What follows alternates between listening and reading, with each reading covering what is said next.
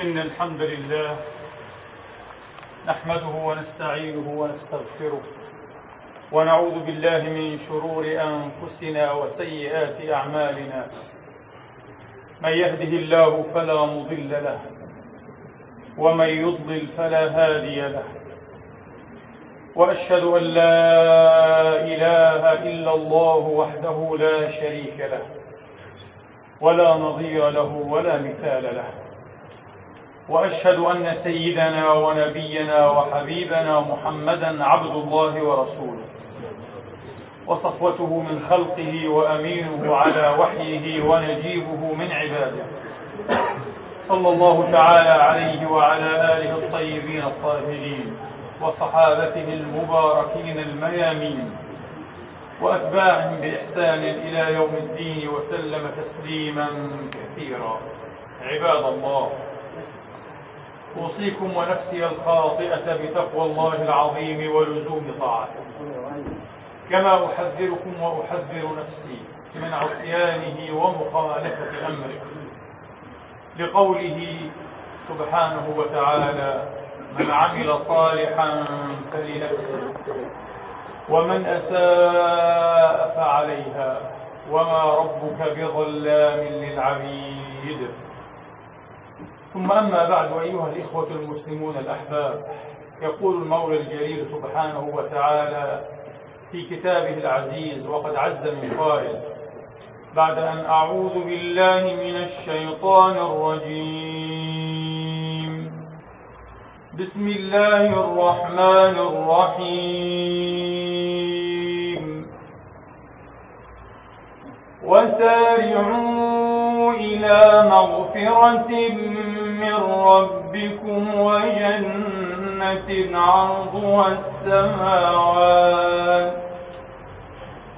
وجنة عرضها السماوات والأرض أعدت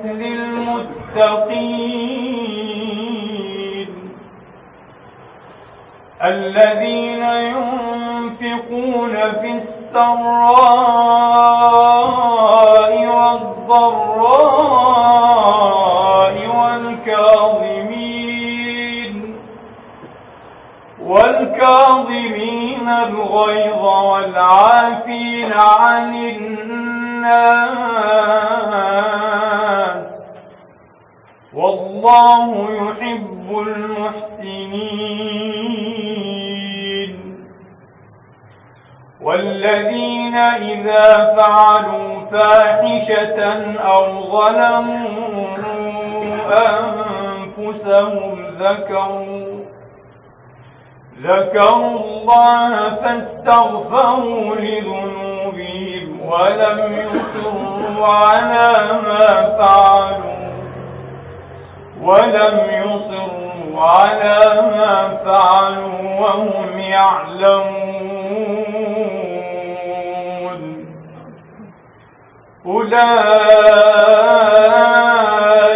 جزاؤهم مغفرة من ربهم مغفرة من ربهم وجنات تجري من تحتها الأنهار خالدين فيها. ونعم أجر العاملين.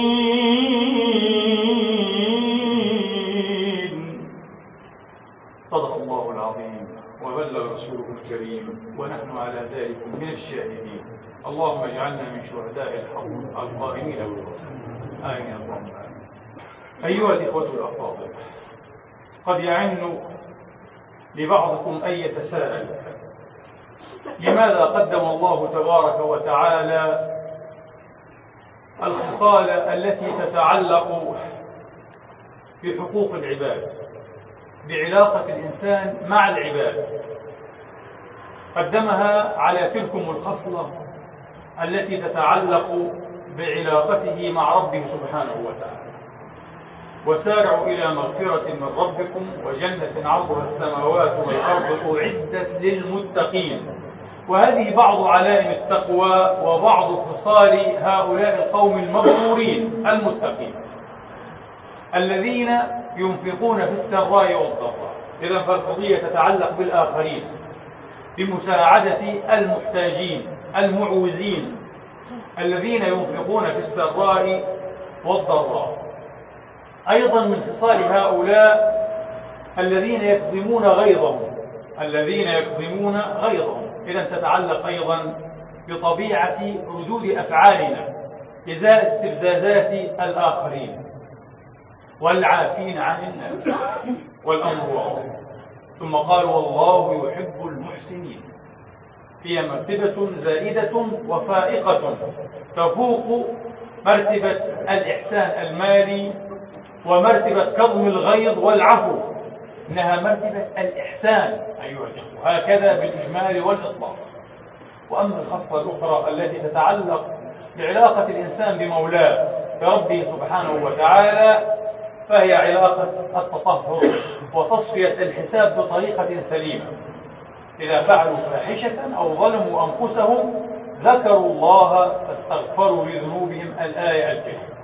فالحقيقة هذا السؤال أيها الإخوة الأفاضل. إذا ما أردنا أن نجيب عنه في ظل تصورنا لوظيفة الدين في الحياة التصور النابع أو الذي يرتد ويعود ويستمد من مرجعية قرآنية ونبوية شريفة فالسؤال ربما يغدو غير مبرر لماذا؟ لأن هذا الدين النازل من السماء أيها الإخوة الأفاضل إنما نزل للأرض ولأهل الأرض وليس للسماء. مصدره السماء لكنه دين للعائشين الذين يحيون ويتعاطون شؤوناتهم المختلفة في هذه المعمورة على هذه البسيطة. ومن هنا أيها الإخوة كان معقولا ومقبولا وبدهيا أن يعنى الدين عناية شديدة بالعلاقة بين الإنسان وبين أخيه الإنسان. بين الإنسان وبين الآخرين. ويضبط هذه العلاقة وفق أصول مرعية ووفق ضوابط محتذاة في كل الأحوال. للأسف يبدو أن أمتنا المرحومة في عصور تخلفها وتراجعها الديني والحضاري قد قلبت الصورة وعكست المعادلة. فصار الدين مبتسرا ومختزلا ومجملا عندها في العلاقة الثانية في العلاقة العمودية التي تنظم علاقة الإنسان بمولاه سبحانه وتعالى. ولذلك يصدر المؤمن أيها الإخوة بطريقة خاطئة عن هذا التصور المسبق الموروث في هذه الأعصار أو في هذه الأدهار ليحسب أنه إذا أتى صلاته على وجهها وإذا حج بيت الله وإذا صام شهره فإنه يكون قد قطع مسافة بعيدة وسحيقة إلى الجنة وإلى الرضوان المقيم إن شاء الله تعالى. وهذا خطأ كبير. هذا خطأ كبير. لماذا؟ لأن هذه العلاقة العمودية بين الإنسان وبين مولاه سبحانه وتعالى ما لم تنعكس آثارها بل ما لم تتجوهر هي ذاتها في شكل علاقة أفقية وحميمة وصادقة يبتغى بها وجه الله تبارك وتعالى مع الآخرين في المجتمع فهذا بحد ذاته برهان أنها علاقة فاسدة علاقة غير صحيحة أصلا.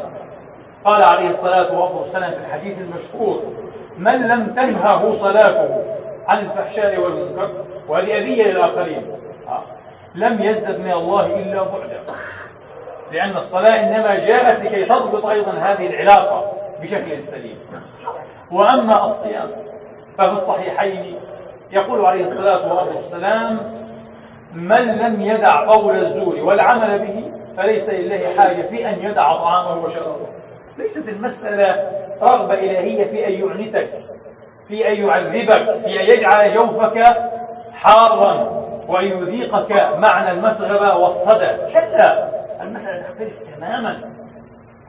فليس لله حاجة في أن يدع طعامه وشرابه. أما الذي يختال الحقوق ويسرق وينهب الأموال ويجور ويعسق بحقوق الآخرين لكي يحج بيت الله غير مرة ومطلوب منه مرة واحدة ولكي يعتمره غير مرة.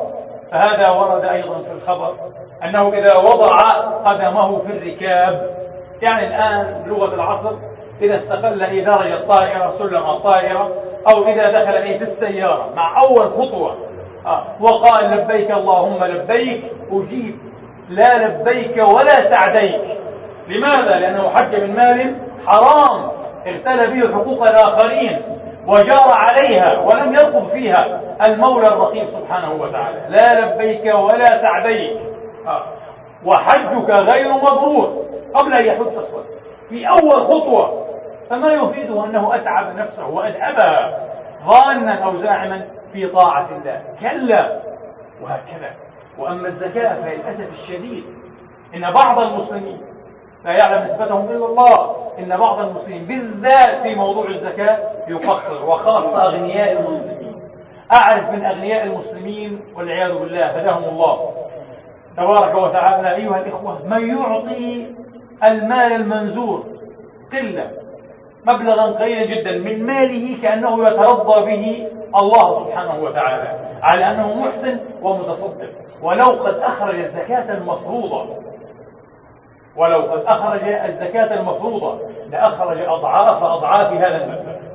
فكأنه يخادع الله والله تبارك وتعالى لا يخدع إنما يكذب على نفسه إنما يكذب على نفسه ويبخل عن نفسه.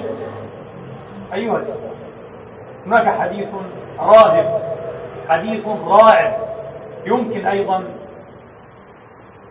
أن نفسر هذه الآيات وأن نجيب عن السؤال المطروح صدر الخطبة في ضوئه وهو الحديث الذي أخرجه الإمام أبو عبد الله الحاكم في مستدركه على الصحيحين وصححه عن أم المؤمنين عائشة رضوان الله تعالى عليها قال قال صلى الله عليه وآله وأصحابه وسلم الدواوين يوم القيامة ثلاثة. بعض الناس قد يكون مشوقا أو مشغوفا أن يعرف كيف سيجري وكيف سيتم حسابه يوم الدينونة يوم القيامة. هكذا على هذه الشاكلة. على هذه الشاكلة. الدواوين التي تنصب لكل واحد منا يوم القيامة ثلاثة. كل الأعمال تنضوي تحت هذه الألوية. تندرج ضمن هذه الدواوين الثلاثة. ديوان لا يغفر الله منه شيئا. وديوان لا يعبأ الله به شيئا. وديوان لا يترك وفي رواية لا يغادر. الله منه شيئا. استقصاء كامل. فأما الديوان الذي لا يغفر الله منه شيئا فالشرك بالله والعياذ بالله. قال تبارك وتعالى إن الله لا يغفر أن يشرك به ويغفر ما دون ذلك. كبائر كانت هذه الذنوب أو صغائر. آه. لكن لمن إيه؟ لمن شاء سبحانه وتعالى. إذا هو في خطر المشيئة. المغفرة ليست مضمونة دائما. يبقى في خطر المشيئة كما قال السادة العلماء رضوان الله عليهم. هذا الديوان معروف. وأما الديوان الذي لا يعبأ الله به شيئا يتساهل فيه جدا فهو ما كان بين العبد وربه ظلمت نفسك.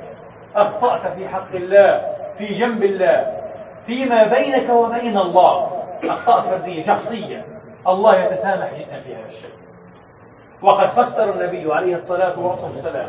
هذه الجملة المجملة من هذا الحديث الشريف الجليل في حديث آخر أخرجه الإمام النسائي في سنن رضوان الله تعالى عليه. قال عليه الصلاة والسلام كصيام يوم إيه تركه. أصلا. بينه وبين الله فترك صيام يوم. غلبته شهوته. صيام مفروض. الله قد يغفر ويسمح ويتجاوز. هذا بينك وبين الله. لم تقتل حقوق الناس. أه؟ لم تقرض عديمهم لم تهتك أستارهم لم تأكل أموالهم لم تسفح دماءهم لم تهددهم في أمنهم. وحريات هذا يتساءل الله فيه كثيرا. تختلط فيما بينك وبين الله. ومن هنا قال السادة العلماء رضوان الله عليهم حقوق الله مبنية على المسامحة. الله يسمح ويغفر ويكرم ويتجاوز ويعطي الجزل تبارك وتعالى. وحقوق العباد مبنية على المشاحة أي على التضييق تضييق شديد. وهذا تفسره الجملة الثالثة. وديوان لا يغادر الله منه شيئا أي لا يترك منه شيئا يستقصي استقصاء سبحانه وتعالى. ما هو؟ مظالم العباد. ينفع أنك أتيت بصلاة كثيرة وبصيام كثير وقراءة قرآن لكن ظلمت هذا سببت هذا اغتبت هذا أه؟ نممت على هذا أفسدت بين هذين أه؟ أو هاتين بالعكس أنت سعيت في إهلاك نفسك ولن تنفعك هذه العبادة أي إلا قليلا ولذلك أخرج الإمام الطبراني في الأوسط عن أنس بن مالك رضوان الله عليهم أجمعين قال قال عليه الصلاة وأفضل السلام إن العبد ليبلغ بحسن الخلق والخلق الخلق لا معنى له أيها الإخوة في عالم يتوحد فيه صاحبه أي يعيش في جزيرة منعزلة نائية في منقطع العمران أو المدنية أبدا. الخلق لا يظهر إلا بينك إيه؟ وبين الآخرين. حين تتعاطى مع الجماعة مع الآخرين مع حسناتهم مع سيئاتهم مع أفعالهم وردود أفعالهم. ولذلك قال عليه الصلاة والسلام لمعاذ وخالق الناس. هذا هو الخلق. أن تخالق الناس. وخالق الناس بخلق حسن. قال عليه الصلاة والسلام كما يروي أنس وقال الطبراني إن العبد ليبلغ بحسن الخلق عظيم درجات الآخرة. عظيم درجات الآخرة. وأشرف المنازل وهو قليل العبادة. عبادته قليلة. ليس من أهل التهجد والقيام الدائم ولا يختم كتاب الله كل عشرة أيام ولا كل ثلاثة أيام بالعكس. يعمل الفرائض قليل من السنن بعض التطوعات لكن على خلق عال خلق كريم. هذا يبلغ الدرجات العالية يبلغ المنازل الشريفة. ولذلك يقول أبو هريرة رضوان الله تعالى عليه عن أصحاب رسول الله أجمعين يقول ذكرت امرأة لرسول الله وذكر من عبادتها. أي الكثير أنها تصلي كثيرا تصوم كثيرا تقوم الليل وتتصدق أيضا. غير أنها تؤذي جيرانها يقول بلسانها. لا تؤذيهم باليد ولا بأشياء أخرى لكن باللسان. لسانها طويل. آه. تؤذي الناس بلسانها تؤذي جيرانها بلسانها. قال أخبروها أنها في النار. أين العبادة؟ لم تنفعنا لأن المقصود من العبادة أصلا أن تجعلك إنسانا تستوي على ذروة عالية شامخة من هي الخلق الحسن الكريم. فإذا فشلت أو عجزت أو قصرت العبادة عن أن ترتقي بك هذا المرتقى الطيب فهي عبادة مدخولة. لو كانت عبادة صحيحة آه، تريد بها وجه الله وتعرف كيف تجني ثمراتها لارتفعت بك إيه؟ إلى هذا المكان. ارتفعت بك إلى هذه الذروة. قال أخبروها أنها في النار. وذكرت له امرأة أخرى. ولم يذكر إيه الشيء الكثير عن عبادتها. يعني تقوم بالفرائض وبالأشياء المأنوسة لدى إيه؟ لدى عامة المسلمين. إلا أنها تحسن إلى جيرانها وتتصدق بأثوار من أقط الأقط هو الجبن المجمد. الجبن المجمد. الأثوار يعني إيه؟ الأجزاء اليسيرة. أجزاء قطع يسيرة من الجبن المجمد. تتصدق بها. قال بشروها أنها في الجنة. خلق خلق المعاملة. الإحسان إلى الناس. أن تسعى الناس بوجهك. أن تسعى الناس بابتسامتك.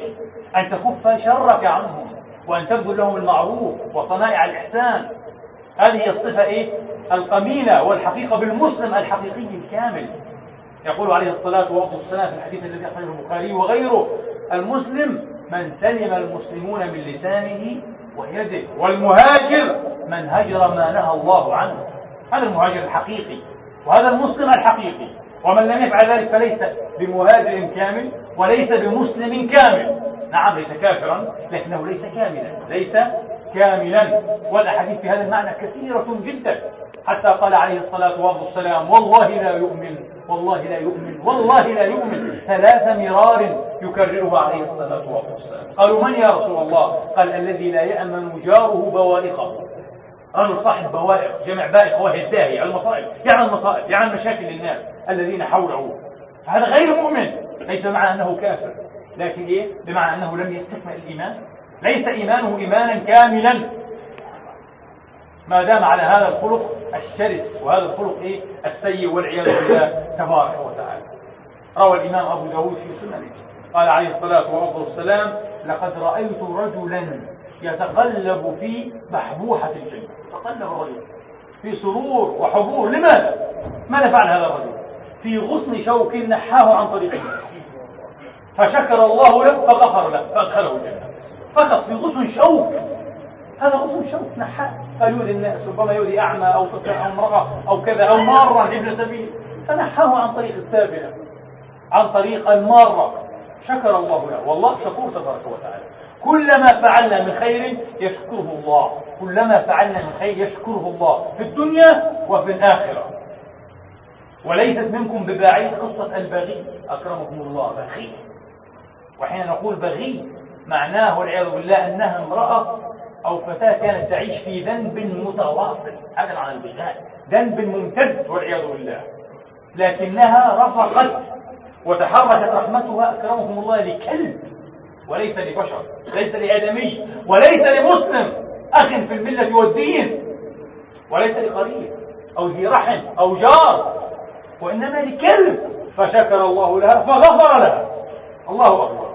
هكذا؟ ليست فقط مسألة العبادة. العبادة مطلوبة ومطلوبة بدرجة أولى. لكن لماذا؟ لكي تكون هذه بعض أثمارها لكي تكون هذه بعض أثمارها فإن لم تظهر هذه الأثمار فالعبادة ليست مقبولة. هذه علامة أنها ليست مقبولة.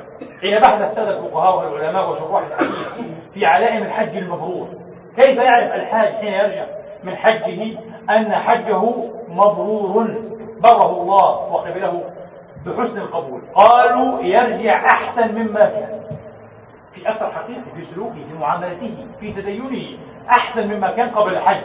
فحجه مبرور فإن عاد كما كان أو أسوأ فهذه علامة أن حجه ليس مبرورا وليس مقبولا. ليس مبرورا العلائم تظهر في الدنيا قبل الآخرة. العلائم تظهر في الدنيا قبل الآخرة. أيها الإخوة هكذا.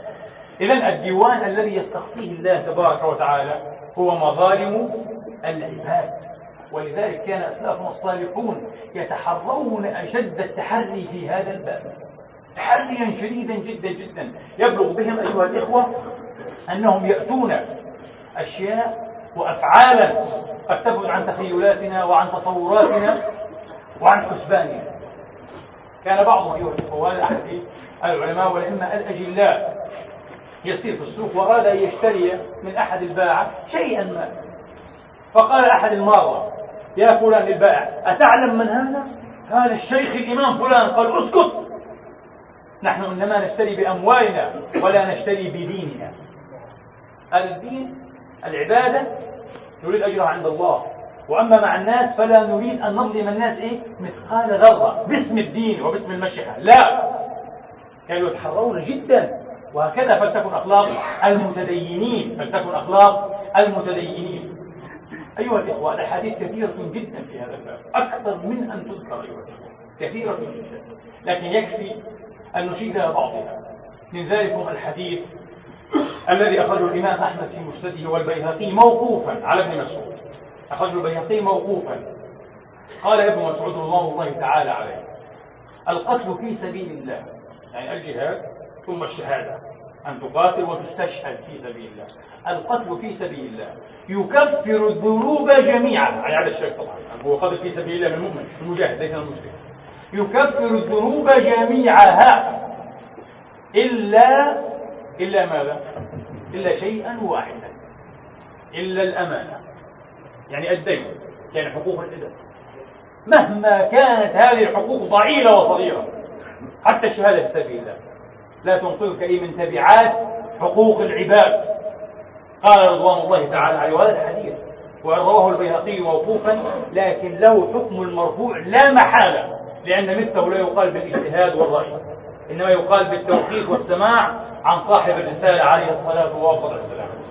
ولذلك رواه غير البيهقي مرفوعا. المهم قال يؤتى بالرجل قتل في سبيل الله يوم القيامة. رجل شهيد. مجاهد استشهد في سبيله به. فيقال له يا فلان أو أي فلان أد أمانتك. في عليك أمانة. بعض الناس استأمنك على أمانة وأنت لم تردها. فيقول أي ربي ومن أين وكيف؟ وقد ذهبت الدنيا. ذهبت الدنيا كلها. فيقال له لابد لابد أن تؤدي الأمانة. مطلوب منك ما في جنة ما في عمر الجنة. حتى تؤدي الأمانة يقول عليه الصلاة والسلام فتمثل له في قعر جهنم كهيئتها يوم دفعت إليه. الأمانة هنا في قعر جهنم في أسفل قعر جهنم. اذهب إليه خذها. فيحوي في أثرها والعياذ بالله. في قعر جهنم الشهيد يهوي حتى إيه؟ إذا بلغها أخذها ووضعها على منكبيه. ثم عاد بها يتسلق الآن. سنرهقه صعودا. هكذا يصعد. درجة بعد درجة.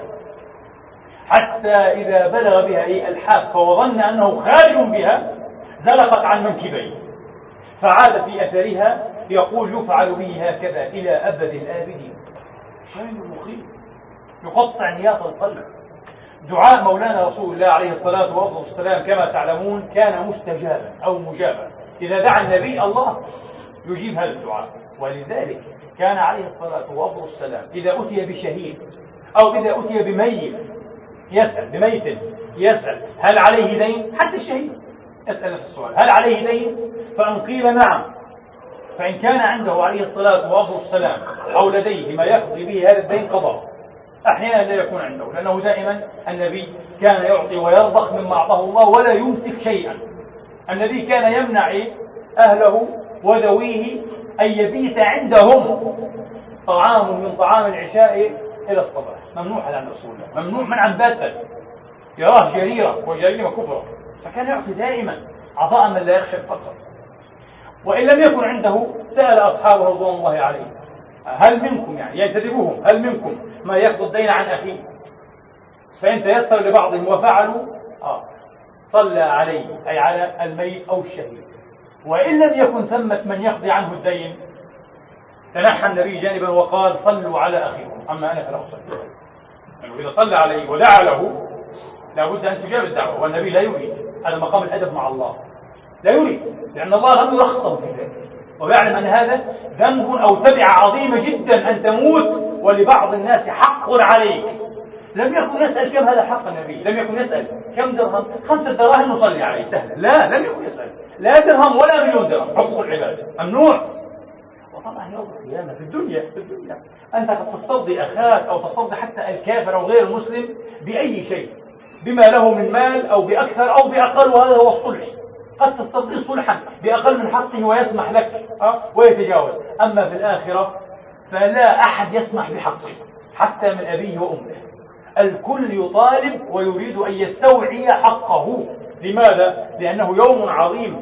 بكى النبي لأجل هذا الموقف. قال ذاك يوم عظيم يحتاج فيه المرء أن يحمل عنه من خطاياه. كان خذ من خطاياه ليس عندك حسنات فليت حسناتك لأنك كما في صحيح مسلم عن أبي هريرة مرفوعا مفلس مسلم له عبادة صلاة وصيام وصدقة وحج إلى آخره لكنه كان يؤذي الناس ويضرب ويشتم ويأخذ حقوق الناس فيأتي مفلسا. بعد أن يستوعي الكل حقه منه لا يبقى عنده شيء فيطرحون عليه من سيئاتهم ثم يطرح في نار جهنم. هذه فذلكة حديث المفلس. النبي بكى لأجل هذا الموقف قال إنه ليوم عظيم يحتاج فيه المرء أن يحمل عنه إيه؟ من خطاياه. طيب خذوا على الأقل من خطاياي أي حسنات خذوا من خطاياي في الآخرة ما في. ولذلك النبي عليه الصلاة والسلام قبل أن ينتقل إلى الرفيق الأعلى آه، في آخر خطبة في آخر موقف ظهر فيه على أصحابه آه، سألهم أن من كان له عندي مظلمة فليأتي فليقتص مني اليوم. من كنت جلدت له بشرا أي جلدا فليأتي فليقتص مني أي الساعة. ومن كنت أخذت له مالا فليأتي فليأخذ إيه مني اليوم قبل أن يكون إيه لا دينار ولا درهم. وهو عليه الصلاة والسلام. أقص من نفسه أو أراد أن يقص من نفسه لأنه يعلم أن حقوق العباد لا شفاعة فيها. يعني الخطأ بينك وبين الله الله يتجاوز بينك وبين أخيك لا أخوك هو الحكم وأخوك لم يتساهل انتبه. فكيف بالكافر؟ بعض الناس يقول له كفار هؤلاء نقتل حقوقهم. بالعكس. هؤلاء أصعب وألأم من المسلم. أليس كذلك؟ ألأم في الدنيا والآخرة لا تورط نفسك مع كافر لأنه لن يسمح لك يوم القيامة. ولذلك مقاطع الحقوق. علينا أن نحافظ وأن نتحرز جدا وأن نجتهد أشد الاجتهاد والتحري في أن نقف عند مقاطع الحقوق. يروى عن عبد الله بن مبارك رضوان الله تعالى عليه الإمام المحدث العابد الجليل ابن مبارك أنه كان في بلاد الشام مرة في زيارة. فاستعار من أحدهم قلم موصى يعني. قطعة خشب مبرية هكذا. توضع في المداد فيكتب بها ليس قلما كأقلام اليوم يعني بوصة خشبة صغيرة. فكتبها ثم إنه إيه وضعها في رحاله. نسيها. فلما بلغ العراق شوفوا من الشام إلى العراق. على الدواب. ليس بالطائرات ولا بالسيارات وجدها في رحاله فقال إنا لله وإنا إليه راجعون. مشكلة كبيرة. فقال له أحد إيه؟ خدمه وغلمانه نعيدها يا إمام. وهو لا يصدق. لأن بعضهم يقول نعود من العراق إلى الشام من أجل الخشبة نرميها فأي مكان انتهى كل شيء. قال لا لابد أن أعيدها أنا بنفسي. فعاد قافلا من العراق إلى الشام لأجل أن يعطي هذه البوصة إلى صاحبها رضوان الله تعالى عليه. هكذا هو العلم هكذا هو الدين هكذا هو الالتزام. هذه هي خشية الله تبارك وتعالى. هذه هي خشية الله تبارك وتعالى. كما قلت أن نقف عند مقاطع الحقوق لا أن نختار حقوق المسلمين. حقوق المصلين حقوق أهل الذمة والملة والدين. ثم نتكثر إيه؟ بصور صلاة بصور عبادة بصور تدين. هذه لا تلقي لا في الدنيا ولا في الآخرة الأمانات الأمانات. تتمة حديث ابن مسعود في الشهيد وفي الأمانة. قال ابن مسعود ويروى مرفوعا كما سمعتم قال الوضوء أمانة والصلاة أمانة والصدقة أو الزكاة المفروضة أمانة. والودائع أمانة. قال وأشد ذلك كله الودائع. حتى الوضوء. كيف تتوضأ وضوءا حسنا؟ كيف تصلي على طهارة؟ الغسل من الجنابة. أمانة. أه؟ كل التكاليف الشرعية أمانات. إن عرضنا الأمانة على السماوات والأرض والجبال. الآية من آخر الأحزاب. كلها أمانات. التكليف عموما أمانة. وهي أغلظ أمانة. يقول ابن مسعود كما يروى عنه الراوي في أشياء عددها. كذا أمانة كذا أمانة كذا أمانة كذا أمانة. قال وأشد ذلك ما هو الودائع الإمانات المادية. إنسان يعطيك إيه؟ شيئا من مال. هذه أمانة غليظة وأمانة شديدة جدا. عليك أن تجتهد في إرجاعها كما كانت أو زيادة. وقصص الأمناء ما أحلاها. ورد في بعض الأخبار أن الله يستحي يوم القيامة أن يحاسب أي مسلما أمينا. إذا كان صاحب أمانة وصاحب دين حقيقة الله يستحي أن يحاسبه. ادخل الجنة من غير حساب. لأنك رجل أمين لأنك رجل أمين. فقصص الأمناء ما أحلاها وما أكثرها أيها الإخوة أعرف رجلا صالحا لا يزال حيا. جاءت امرأة فقيرة. ليس عندها كثير مال وهي أرملة. تعول عيالا لها. جاءته بثلاثمائة دينار. أردني وقالت له يا أبا فلان بالله خلي هذه أمانة عندك. قال كم هي؟ قالت ثلاثمائة. قال لابد أن نعدها. عدها أمامها غير مرة. قال ثلاثمائة بالضبط. ثم أغلق عليها وضعها في كيس وأغلق عليها بجهاز لاحظ وقال هذه لك متى إيه شئت؟ آه، أخذتها فجاءته بعد والأمانة لا تزال إيش؟ في هذا الظرف المغلق أيها الأخوة. فأخرجها. وفتحها فإذا بالثلاثمائة أربعمائة. قال لا إله إلا الله. واستغرب وعدها غير مرة. وأما هي فقالت لا هذه ليست لي ولا أخذ إلا ثلاثمائة. قال أما أنا فوالله لا أخذ هذه المئة لأنها لك. قالت من أين؟ هي ثلاثمائة قال لا أدري من أين. لكن هي لك. آه. وهو إيه؟ تلح. وهي تلح. حتى قال في الأخير يا أم فلان اقبليها مني على أنها صدقة. قبلتي قالت نعم. لكن ليست لي. هي أمينة وهو أمين. وقد بارك الله في هذا المال كرامة لها ولها. رضي الله عنه. هذا الآن الرجل حي والمرأة حية. يحدث. الإمام ابن رجب الحنبلي تلميذ الإمام ابن القيم آه. رضي الله عنهم وأرضاهم أجمعين ذكر في كتابه ذيل طبقات الحنابلة الذي ذيل فيه على كتاب أبي يعلى الحنبلي ذكر في ذيل طبقات الحنابلة عن الإمام الجليل والشيخ العالم الكبير أبي بكر محمد بن عبد الباقي الأنصاري وهو من أئمة الحنابلة أبي بكر عن أبي بكر محمد بن عبد الباقي الأنصاري قال كنت مجاورا بمكة شرفها الله وحرسها. المجاورة هي الانقطاع إلى العبادة في مكة أو المدينة. يقول فلان مجاور كنت مجاورا بمكة حرسها الله وشرفها مدة. فطرقني جوع في يوم من الأيام شديد ولم أجد ما أسد به هذا الجوع. فخرجت فلم أجد شيئا. لم يتحسن إنسان أن يعزمه ويدعوه إلى مأدبة إلى شيء من طعام. فإذا أنا بكيس من إبريسم أي من حرير. ومربوط بشرابة من إبريسم أي من حرير. فأخذته وجده في الشارع. فذهبت به المنزل ففتحت الوكاء حللت الوكاء الشراب هذه. فإذا بلؤلؤ لم ترى عيني مثله. يعني من طراز فاخر جدا. عقب ما اللؤلؤ يسوى الآلاف أو يساوي الآلاف. قال فأرجعته ثم إني خرجت. فإذا بشيخ ينادي علي وفي يده خرقة يقول إن فيها خمسمائة دينار. لمن عاد عليه بكيس الإبريسم وفيه اللؤلؤ. قال فقلت له يا شيخ الأمان الآن. وإغراء رجل لا يجد ماذا يأكل؟ ويجد ثروة ثروة عظيمة. الناس تعرفون كم قيمتها كم قدرها. ثروة يعيش بها هو وولده وولده عزيزا مكرما. لكن عزة إيه؟ المعصية لا عزة في المعصية. قال فقلت له يا شيخ هلم فدخلت بها المنزل فعرفني إشارة الكيس وإشارة الشروبة وإشارة اللؤلؤ والحبل النظام يعني الحبل الذي نظم فيه اللؤلؤ وعدد اللؤلؤ. فقلت نعم هو لك ودفعت إليه وقال وهذه الخمسمائة دينار لك. فقلت لا والله لا آخذ جزاء على الأمان هذه أمانة وقعت في يدي ولا بد أن أؤديها. امتحان ابتلاء من الله فألح علي جدا. ورفضت أنا. فأخذ الكيس ومضى إلى سبيله. ثم إني خرجت من إيه؟ من مكة شرفها الله وحرسها وركبت البحر فانكسرت السفينة. فتعلقت بخشبة فقذفت بي إلى جزيرة فيها أناس مسلمون. ربما في بلاد إيه؟ الخليج. فجلست يوما في المسجد وجعلت أتلو من كتاب الله تبارك فلم يبق أحد إلا لاذ بي واكتنفني وقالوا يا شيخ ما أحسن القراءة؟ ما أحسن قراءتك؟ علمنا. فعلمتهم فحصل لي مال جزيل. أكرمه الله. فحصل لي مال جزيل. ثم إني علمت صبيانهم الكتابة فحصل لي مثل ذلك أو أزيد. حتى أتوني في يوم من الأيام بفتاة صغيرة عليها من الجمال والزينة ما شاء الله.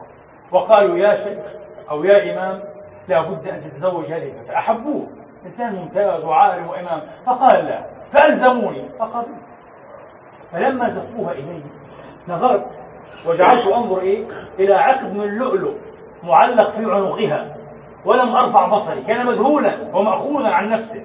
فقالوا يا شيخ عافاك الله لقد كسرت قلب هذه اليتيمة. تنظر إلى عقد اللؤلؤ ولم تنظر إلى وجهها. يعني إنسان مادي كثير أنت إيش قصتك يعني؟ هذا مع الكلام. فقلت لا وقصصت عليهم القصة. إيش هذا السبب السبب هذا العقد أعرفه تماما. فلما قصصت عليهم القصة قالوا الله أكبر وارتج المسجد. آه. بأصوات حتى اجتمع أهل الجزيرة. قالوا هو ذا الشيخ. قلت ما القصة؟ قالوا هذه البنية هذا أبوها. وأشاروا يا رجل فإذا هو الشيخ. حكى لنا أي قصته معك وكان يقول لم أرى مسلما في حياتي.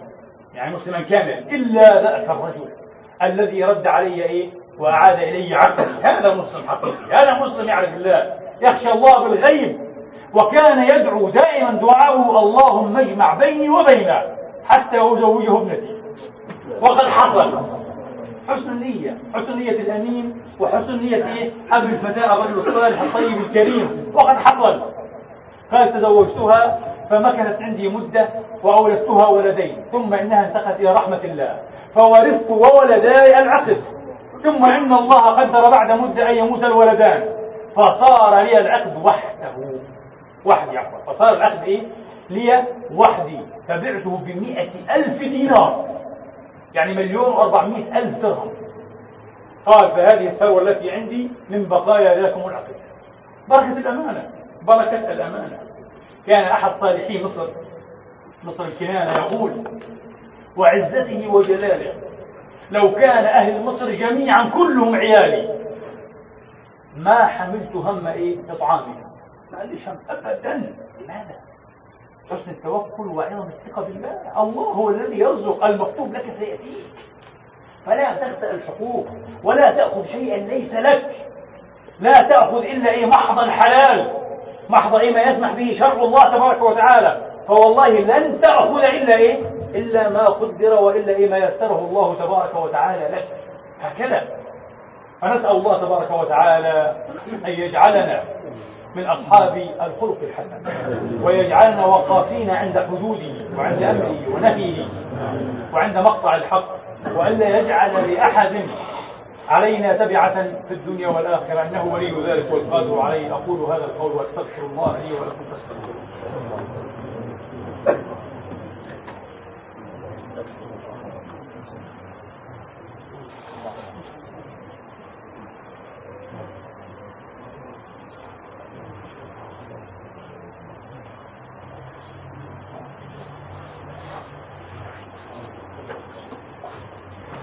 الحمد لله رب العالمين.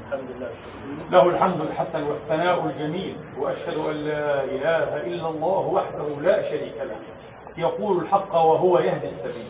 يقبل التوبة عن عباده ويعفو عن السيئات ويعلم ما تفعلون. ويستجيب الذين آمنوا وعملوا الصالحات ويزيدهم من فضله والكافرون لهم عذاب شديد.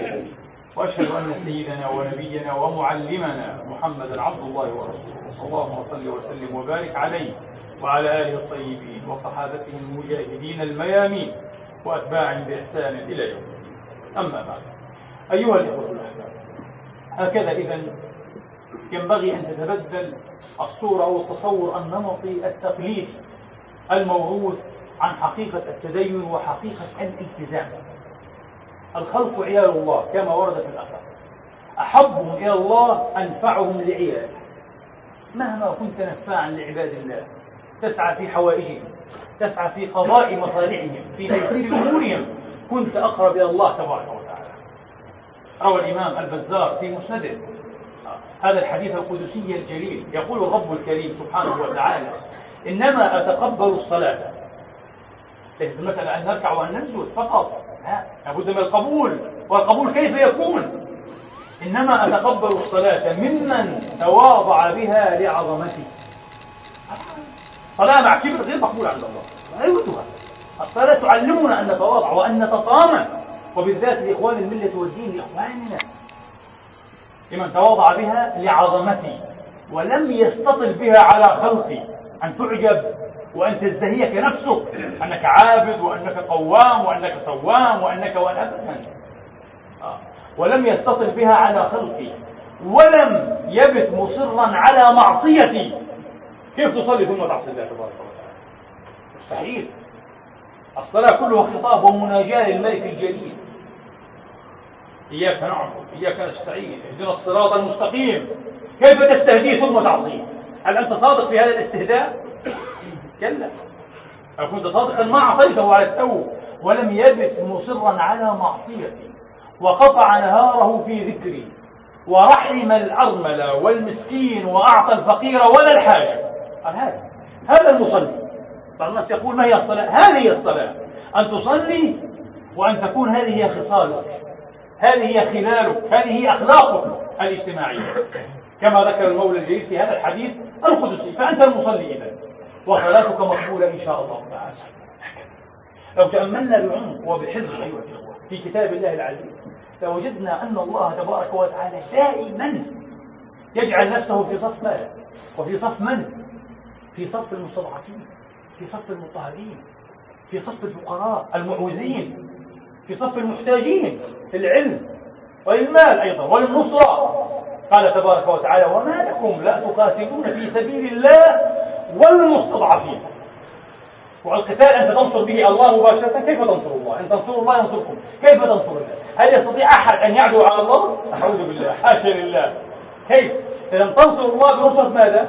بنصرة عباده حتى حين تقول أنصر الله بنصرة الدين أين هو الدين؟ الدين لا يعرف إلا في المتدينين في أمة محمد في أمتنا في إخواننا في العراق وفلسطين وأفغانستان والشيشان في هؤلاء هذا هو دين الله في هؤلاء ليس هناك ثمة شيء بين السماء والأرض معلق اسمه الدين الإسلام نذهب لكي ننصره تنصر حملة الدين.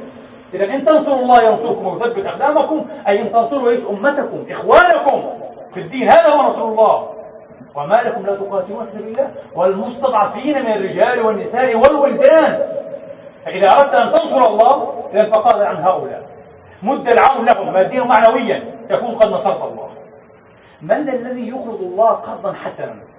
هل الله تبارك وتعالى كما فهم اليهود بغبائهم وبلادتهم وتنكس قلوبهم وعقولهم؟ الله فقير يحتاج إلى غنانا؟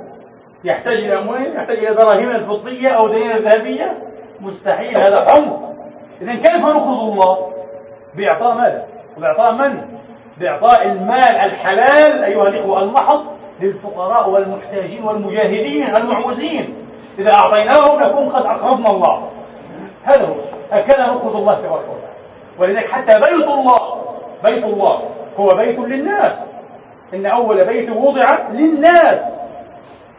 والكل مملوك لله تبارك وتعالى. الحدود تقال حدود الله. ومن يتعدى حدود الله من تعداها أيها الإخوة يستطيع أن يجور على الله؟ أعوذ بالله. الله جنابه عزيز وهو عزيز لا إله إلا هو. لكن من تعدى حدود الله يجور على من؟ على الناس. على الناس. بالزنا بالقتل بالظلم بالغيبة بالنميمة بالبهتان بأخذ الربا باغتيال أموالهم هكذا من تعدى إذا حدود الله هي حدود لماذا؟ حدود للناس لحقوقهم. وتبين مقاطع حقوق البشر. وهذا معنى أن نحترم حدود الله. أن نحترم حقوق العباد إذا هذا المعنى بعض الناس قد يراه معنى فلسفيا أو دخيلا على الدين. كلا إنه محض الدين. ولنختم بهذا الحديث القدسي أيضا الجميل الذي أخرجه الإمام مسلم في صحيحه من رواية أبي هريرة قال قال صلى الله عليه وآله وأصحابه وسلم يقول الله تبارك وتعالى يوم القيامة يا عبدي لواحد من عباده ولا أكثر أيضا من واحد. مرضت فلم تعدني. أنا مرضت اعتللت. وأنت إيه؟ لم تقم بواجب عيادة إيه عيادتي في مرضي. هذا في مسلم في الصحيح فيقول العبد أي رب؟ وكيف أعودك وأنت رب العالمين؟ وهل الرب يمرض ويحتاج إلى عيادة؟ فيفسر لنا الله تبارك وتعالى. يقول أما علمت أو ألم تعلم أن عبدي فلانا مرض فلم تعد. أما إنك لو عدته لوجدتني عنده. يعني لوجدت رحمتي لوجدت عطائي لوجدت مغفرتي لوجدت نوري وهدايتي عنده. هكذا. الله هنا تبارك وتعالى عبر بهذه الطريقة التي لولا أنها وردت صحيحة آه من لفظه عليه الصلاة والسلام ما جرأ واحد منا أن يعبر بمثل هذه الطريقة أليس كذلك؟ ثم يقول يا عبدي استطعمتك فلم تطعمني. يقول يا رب كيف أطعمك؟ وأنت رب العالمين. يطعم ولا يطعم وهذا نص إيه؟ كتاب الله. يطعم ولا يطعم. كيف أطعمك وأنت رب العالمين؟ يقول ألم تعلم أن عبدي فلانا استطعمك؟ فلم تطعم أما إنك لو أطعمته لوجدت ذلك عندي أي ثواب ذلك في الأولى قال لوجدتني عنده. هنا قال لوجدت ذلك أي ثواب ذلك عندي. سمعتم كيف دخل إنسان أيها الإخوة أو دخلت إنسان بغي النار الجنة عفوا في كلب. تحكي لنا كتب التواريخ عن أحد أمراء المسلمين في بخارى في القرن السادس الهجري. وكان أميرا قاتلا مسرفا عاسفا ناسيا متعديا لحدود الله تبارك وتعالى. فخرج ذات يوم بارد من أيام الشتاء والشتاء هناك بارد جدا كما تعلمون. فخرج حتى إذا قطع مرحلة من الصيد والقنص آه. اشتد عليه البرد فأقفل راجعا وفي طريق قفوله وجد أكرمكم الله كلبا وهو يهتز ويرتعد من البرد. فأخذته الشفقة والحنو على الكلب. فقال خذوه معنا القصر وأدفئوا يعني مخلوق من مخلوقة الله. فأتي هذا الأمير المسلم الظالم الطاغية في المنام. هاتف. أتي فقيل له كنت كلبا فوهبناك لكلب. غفرنا لك وسمحنا بسبب كلب. فكيف بسبب أمة أمة محروبة الآن في فلسطين والعراق والشيشان وأفغانستان في كل أرجاء الأرض. كيف بسبب إخواننا في الدين والعقيدة والملة؟ مستحيل هذه أقصر هذه أقصر طريقة الله تبارك وتعالى. نصرة هؤلاء أيها الإخوة نصرة إخواننا. أقصر طريق إلى رحمة الله أقصر طريق إلى الجنة. كنت كلبا فوهبناك لكلب فلم يلبث بعدها إلا بضعة أيام ثم مات إلى رحمة الله. حسب هذا الهاتف مات إلى رحمة الله. رحمه الله. قال ألم تعلم أن عبدي فلان استطعمك فلم تطعم أما إنك لو أطعمته لوجدت ذلك عندي. يا عبدي استسقيتك فلم تسقني. قال كيف أسقيك وأنت رب العالمين؟ قال ألم تعلم أن عبدي فلانا استسقاك فلم تسقه؟ أما إنك لو سقيته لوجدت ذلك عندي. وهكذا أيها الإخوة تتماهى تقريبا تتماهى تقريبا إلا قليلا. حقوق الله مع حقوق إيه؟ العباد. فإذا أردنا أن نقوم بحق الله فلنقم إيه؟ بحق العباد. وفي أول ومقدم هؤلاء العباد إخواننا المسلمون. الأدنى فالأدنى والأقرب فالأقرب. نسأل الله أن يعيننا على ذلك وييسرنا للتي هي أزكى وأتقى وأوقى إنه ولي ذلك والقدر عليه. اللهم إنا نسألك ونبتهل بك بالدعاء والضراعة ألا تدع لنا في هذا اليوم الكريم في هذا المقام الكريم في هذه الساعة المباركة ذنبا إلا غفرته ولا هما إلا فرجته ولا كربا إلا نفسته ولا ميتا إلا رحمته ولا مريضا إلا شفيته ولا غائبا إلا رددته ولا أسيرا إلا أحسنت فكاكه ولا مدين إلا قضيت عنه دينه وأذهبت همه وغمه يا رب العالمين. اللهم إنا نسألك أن تجعل تجمعنا هذا تجمعا مرحوما وتفرقنا من بعده تفرقا معصوما. اللهم لا تدع فينا شقيا ولا مطرودا ولا بائسا ولا يائسا ولا محروما. برحمتك يا أرحم الراحمين. اللهم اجعلنا نخشاك حتى كأننا نراك وأسعدنا بتقواك ولا تشقنا بمعصيتك. وخر لنا في قضائك وبارك لنا في قدرتك حتى لا نحب تأخير ما عجلت ولا تعجيل ما أخرت. واجعل اللهم غنانا في أنفسنا ومتعنا بأسماعنا وأبصارنا وقواتنا ما أحييتنا واجعلها الوارث منا واجعل ثأرنا على من ظلمنا بقدرتك يا رب العالمين. اللهم إنا نسألك ونبتهل إليك ونضرع أن تنصر الإسلام وأن تعز المسلمين. اللهم انصر من نصر المسلمين واقتل من خذل المسلمين. اللهم عليك بأعدائنا أعداء الدين أحصهم عددا واقتلهم بددا ولا تبق منهم أحدا. اللهم أدر عليهم دائرة السوء فإنهم لا يعجزونك. اللهم أنزل عليهم بأسك الذي لا يرد عن القوم المجرمين اجعل تدبيرهم تدبيرهم يا رب العالمين. اللهم أرنا فيهم تعاجيب قدرتك وعلائم بأسك. يا عزيز يا قوي يا جبار يا قهار. عباد الله إن الله يأمر بالعدل والإحسان وإيتاء ذي القربى وينهى عن الفحشاء والمنكر والبغي يعظكم لعلكم تذكرون. فستذكرون ما أقول لكم وأفوض أمري إلى الله. إن الله بصير بالعباد. قوموا إلى صلاتكم يرحمني ويرحمكم الله.